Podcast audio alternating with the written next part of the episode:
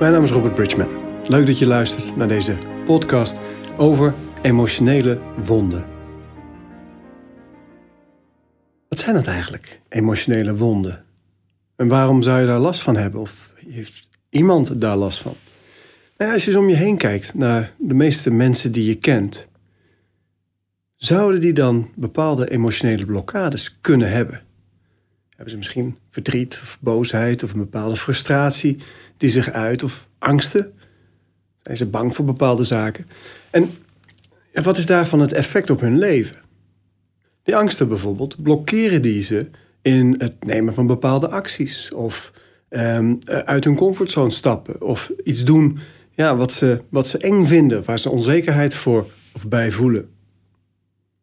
die boosheid blokkeert ze dat in hun gedrag. Wordt dat een lastig iets in de relaties met anderen? Een frustratie? Ja, verstoort dat misschien hun humeur? Kortom, de uitingen van emotionele wonden, negatieve emoties, hebben best wel een grote negatieve impact op hun leven, maar dus ook op jouw leven. En toch doen we er heel weinig aan.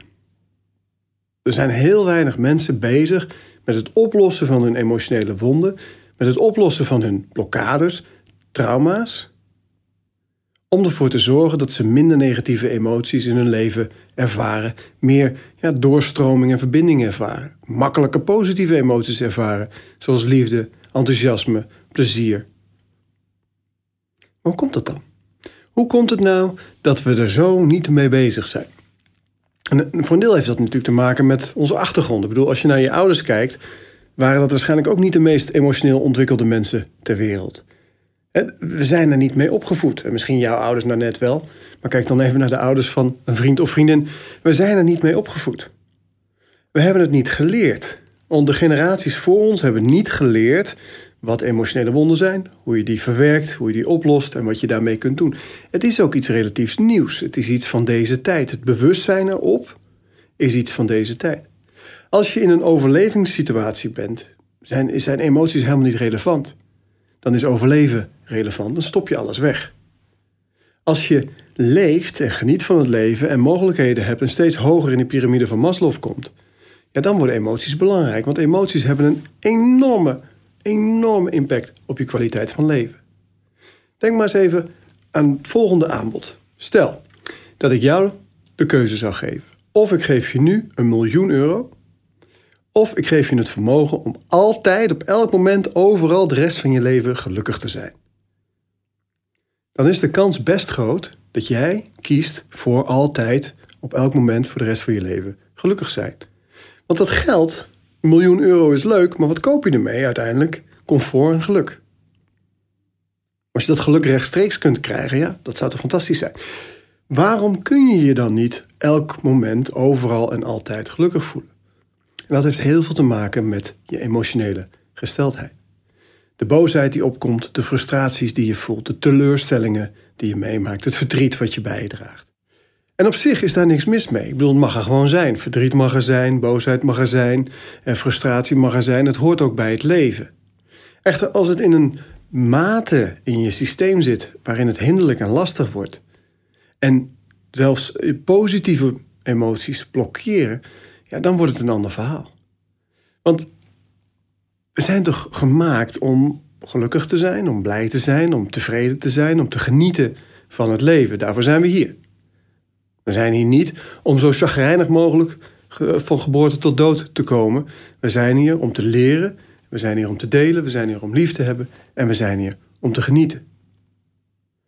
Dus die blokkades die die, die, emotionele, die die negatieve emoties veroorzaken, die wonden, zijn wel degelijk interessant om te onderzoeken.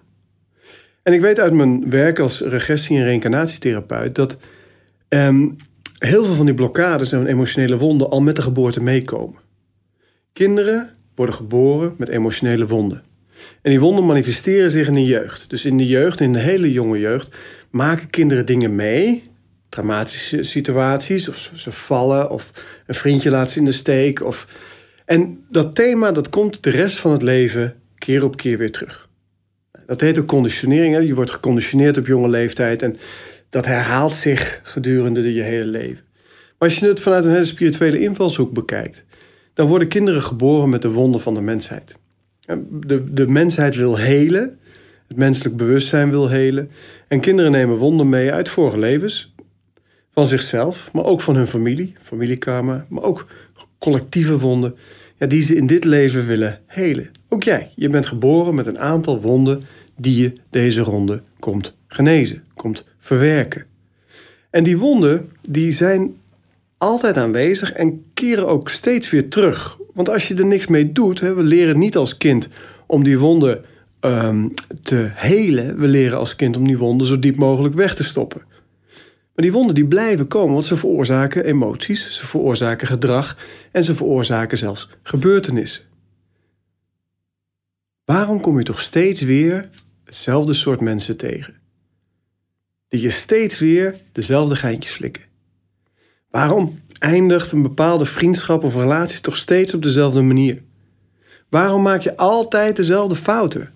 Keer op keer. Je weet dat je het niet moet doen en toch doe je het. Jouw wonden vragen om je aandacht. En dat blijven ze vragen, net zolang tot je er wat aan doet. En tot die tijd blijf je dezelfde lessen gepresenteerd krijgen, steeds weer op een andere manier, op een ander presenteerblaadje, net zolang tot je ze begrijpt en gaat doorzien. En de grap is dat het helemaal niet zo ingewikkeld is om iets met die wonden te doen. Het lijkt eng. En mensen die uh, met blokkades en, en, en trauma's zitten, die durven niet naar binnen. Die, die durven, je kent ook wel mensen, misschien heb je er zelf ook wel uh, wat van, um, die niet naar hun eigen emoties durven te kijken. Die niet naar binnen durven, uh, omdat ze bang zijn voor wat, wat daar is. En dat heeft natuurlijk alles te maken met het pijnvermijdend en genotzoekend mechanisme in ons brein. Die wonden en die emotionele pijn, die associëren we met pijn.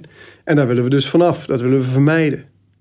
En daarom gaan we het in genotsmiddelen zoeken. Mensen die eh, met veel emotionele ballast rondlopen, ja, die zie je vaak of heel veel eten of heel veel drinken. Uh, misschien drugsgebruik of andere genotsmiddelen. Heel hard werken is ook zo'n goede. Er zijn natuurlijk allerlei manieren om maar niet met die wonden om te kunnen, te, te, te geconfronteerd te hoeven worden. Je kan ook gaan hardlopen. Je kunt ook intensief gaan mediteren. Je kunt ook uh, als een gek yoga gaan doen. Als je maar niet geconfronteerd wordt met die werkelijkheid daarbinnen in jezelf. Maar juist het aangaan van die wonden heeft zo'n ongelooflijk effect op je levenskwaliteit. En er zijn zoveel mensen die dat niet doen. Ik heb het ook in, in spirituele zin. Ik gaf toen wij in Vietnam woonden, mijn vrouw en ik, en ik daar mijn coachpraktijk en, en healingspraktijk had, had ik op een dag op mijn tafel, ik gaf toen energiebehandelingen, had ik een Qigong-meester. En die Qigong-meester die was spiritueel waanzinnig aangesloten. Het was echt een man waar ik heel veel van geleerd heb. En um, hij was mentaal ijzersterk. Hij kon ook heel veel. Hè? Als hij zijn energie over zijn lichaam liet lopen, dan kon je die energie zien stromen. Um, de man was fysiek natuurlijk, eh, ondanks dat hij tegen de 50 liep, was hij ongelooflijk ontwikkeld. Um, een hele bijzondere man om te zien. Hij had een centrum daar ergens in het noorden van, uh, van Vietnam. En ik gaf hem een behandeling, een energiebehandeling. En in die energiebehandelingen werk ik altijd op alle lagen. Dus fysiek, emotioneel, mentaal en spiritueel. En dat fysieke lichaam, ja, daar was niks mis mee. Dat mentale lichaam ook niet. Dat spirituele lichaam ook niet. Maar dat emotionele lichaam was één grote puinhoop. Omdat hij nooit geleerd had in zijn opvoeding en ook niet in zijn spirituele ontwikkeling om die, om die emotionele wonden aan te gaan. En daardoor had hij nog steeds last van bepaald gedrag. Bepaalde verslavingen die hij moest onderdrukken met mentale kracht. Uh, bepaalde uh, manieren van met mensen omgaan of reageren op bepaalde situaties. Emotionele wonden waren niet geheeld, waardoor ze nog steeds bepaalde emoties gaven en uh, ja, invloed hadden op zijn welzijn. En ik ben aan het behandelen geslagen en heb heel veel van die, van die emotionele blokkades opgeheven voor. Want zo moeilijk is dat niet. De afgelopen 100 jaar zijn er ongelooflijk veel methoden ontwikkeld die te maken hebben met het opschonen, het verwerken, het helen van emotionele wonden. Neem bijvoorbeeld de Reiki in 1900, Mikao Usui die daarmee begon. Uh, neem bijvoorbeeld iets moderners. 25 jaar geleden werd in Amerika de EFT, Emotional Freedom Techniques, ontwikkeld. Fantastische methode om emotionele wonden mee te genezen. Um, Touch of Matrix. Gunther de Jong ontwikkelde het in Enschede. Briljante methode om eh, met die wonden aan de slag te gaan. En zo zijn er heel veel manieren, methoden, waarmee je op je eigen manier met die emotionele wonden aan de slag kunt gaan. En gelukkig komt langzaam maar zeker komt het in ons systeem. Je ziet in de psychologie steeds meer psychologen werken met EMDR bijvoorbeeld. De EMDR is toch een redelijk geaccepteerde manier om emotionele wonden op te lossen. Maar ook EFT wordt steeds meer gebruikt in de psychologie. Er is ook steeds meer wetenschappelijke onderbouwing voor. Um, ja, steeds meer mensen gaan het ook begrijpen, gaan het belang ook inzien van het hele van die wonden. Want zo binnen, zo buiten. Je buitenwereld is een afspiegeling van je binnenwereld. En als je in je binnenwereld veel onopgeloste emoties hebt, veel onopgeloste pijn hebt, dan manifesteert zich dat in je buitenwereld ook. En dan ervaar je dus in je leven, in de relatie met anderen, in je werk, in de relatie met je kinderen, in alles wat je doet, ervaar je die pijn.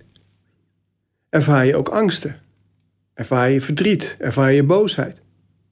En kijk bijvoorbeeld eens naar uh, uh, wat dan, hoe zo'n wond eruit ziet. Uh, emoties. Emotion, energy in motion, zeggen het Engelsen. Emotie komt van het woord emovere in het Latijn. En dat in beweging zijn, ergens naartoe bewegen.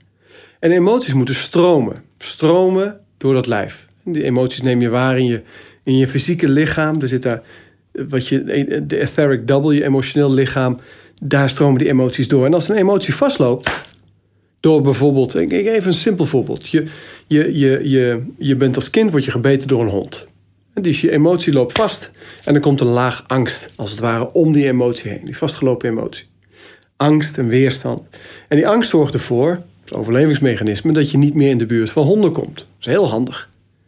Echter, als je bijvoorbeeld door je partner in de steek gelaten wordt, gebeurt precies hetzelfde. De emotie loopt vast, angst eromheen en je ontwikkelt bindingsangst. Een stuk lastiger. Als je dat terugvoert naar vorige levens, dan verklaart dat ineens waarom je bijvoorbeeld hoogtevrees hebt, terwijl je nooit van een hoge gebouw afgevallen bent. Dat je claustrofobie hebt, terwijl je nooit in een kleine ruimte opgesloten hebt gezeten. Um, dat je een, een enorme angst hebt voor zwemmen in diep water, terwijl je nooit verdronken bent. Nu niet, maar misschien in een vorig leven wel. Waardoor er blokkades en trauma's zijn die, ja, die je op te lossen hebt, om die, zodat je die angsten ook kwijtraakt. En een van de beste methoden die ik ken om dat soort emotionele wonden op te lossen, is regressie en reïncarnatie. Waarbij je teruggaat in de jeugd, door middel van diepe ontspanning of hypnose, teruggaat in de jeugd, of zelfs teruggaat in die vorige levens. Ik heb dat heel veel gedaan zelf, maar ook heel veel mensen behandeld met regressie en reïncarnatie. En inmiddels zoveel gezien daarin ja, dat, het, dat het bestaan van vorige levens voor mij geen geloof meer is, maar meer een wetenschap. Ik heb zo vaak zoveel mensen begeleid daarin, zoveel verhalen gezien. Um, en zoveel gezien dat als je die wonden in dat vorige leven dan ook daadwerkelijk geneest, dat ze in dit leven opgelost zijn. Ja, dat is fantastisch. De uitnodiging is dus ook om zelf aan de slag te gaan met je wonden. Eén, wees je bewust dat ze er zijn. Je trauma's, je blokkades. Twee, zoek een methode die je helpt om die wonden te genezen of te helen. En drie, je verantwoordelijkheid nemen. Ik denk dat dat het belangrijkste is. Althusser Rossiter, een van mijn uh, leraren, die zegt... Er zijn in het leven geen slachtoffers, alleen vrijwilligers. Er zijn in het leven geen slachtoffers, alleen vrijwilligers. En dat is een opmerking die heel veel weerstand kan oproepen. Ik weet nog, in Saigon ehm, had ik een, een, Engelse dame. Zij was een, een, zakenvrouw, directeur van een groot bedrijf. En ehm, ik coachte haar. Maar zij was in, in, in, in haar jeugd um, misbruikt door haar vader. Van haar zesde tot haar twaalfde had ze een behoorlijk zware incestperiode gehad. En in het oplossen van die van die trauma's begon het met verantwoordelijkheid nemen. En ik weet nog toen ik voor het eerst deze quote tegen haar vertelde: er zijn geen slachtoffers, alleen vrijwilligers, wilde ze opstaan en heel hard weglopen. Ze wilde niks meer van me weten. Want het was belachelijk. Hoe, kon ik, hoe kwam ik er nou bij? Dat, hoe, kon ik het in mijn hoofd halen dat zij geen slachtoffer was, maar een vrijwilliger? Alsof ze ervoor gekozen had. En toen zei ik: Je hebt er misschien niet voor gekozen. Al zijn het waarschijnlijk wel wonden uit vorige levens die zich uh, opnieuw aandienen. Maar dat had op dat moment um, geen, niet geresoneerd bij haar. Wat er gebeurt is dat wat je hebt meegemaakt als kind, daar kun je nu niks meer aan doen. Maar hoe je ermee omgaat, daar kun je wel degelijk wat aan doen. En dat bedoel ik met je verantwoordelijkheid nemen. Zelf je verantwoordelijkheid nemen, teruggaan in de tijd, teruggaan in je jeugd door middel van regressie bijvoorbeeld. Het liefst nog verder terug, maar dat is aan jezelf. De methode, met die methode aan de slag gaan uh, om je eigen verleden op te schonen. Want voor haar, haar wonden, dat incestverleden, dat maakte dat ze enorm destructief gedrag had. zij was een hele geslaagde zakenvrouw. Maar ze deed het, het liefst uh, had ze seks met um, um, uh, getrouwde mannen, haar klanten. Um, ze gebruikte regelmatig veel te veel alcohol, veel te veel drugs. En ze had uitspattingen op het gebied van seks, drugs en alcohol, ja, die heel schadelijk waren voor haarzelf en haar imago. En door verantwoordelijkheid te nemen voor haar eigen wonden, onbewuste wonden, zich daar bewust van te worden, aan de slag te gaan. Ik heb, we zijn met EFT bezig geweest, met regressie en reïncarnatie, met um, allerlei methoden die ik, uh, die ik gebruik in de Bridgman-methode. En daarmee hebben we dat, daar heling gebracht, waardoor ze van dat gedrag afkwam. En tegenwoordig is ze niet meer zo'n zware drinker, ze gebruikt geen drugs meer en um, seksueel gezien heeft ze de boel ook op de rit. Ze is tegenwoordig een van de meest invloedrijke vrouwen in Vietnam. En het gaat heel goed met haar en daar ben ik heel blij om. En ze is een prachtig voorbeeld van iemand die het wel aandurfde te gaan. En als zij met zo'n zwaar verleden, met zo'n. Want incest is een van de ergste dingen die je kan overkomen. Dat zij dat aan is gegaan en um, daarmee um, haar leven heeft kunnen transformeren. Ja, ik hoop dat dit jou helpt in de motivatie om zelf met jouw wonden aan de slag te gaan. Die verantwoordelijkheid te pakken en op zoek te gaan naar: hé, hey, wat zit er eigenlijk bij mij?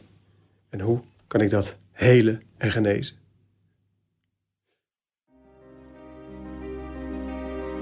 Dank voor het luisteren naar deze podcast. En heel graag tot de volgende.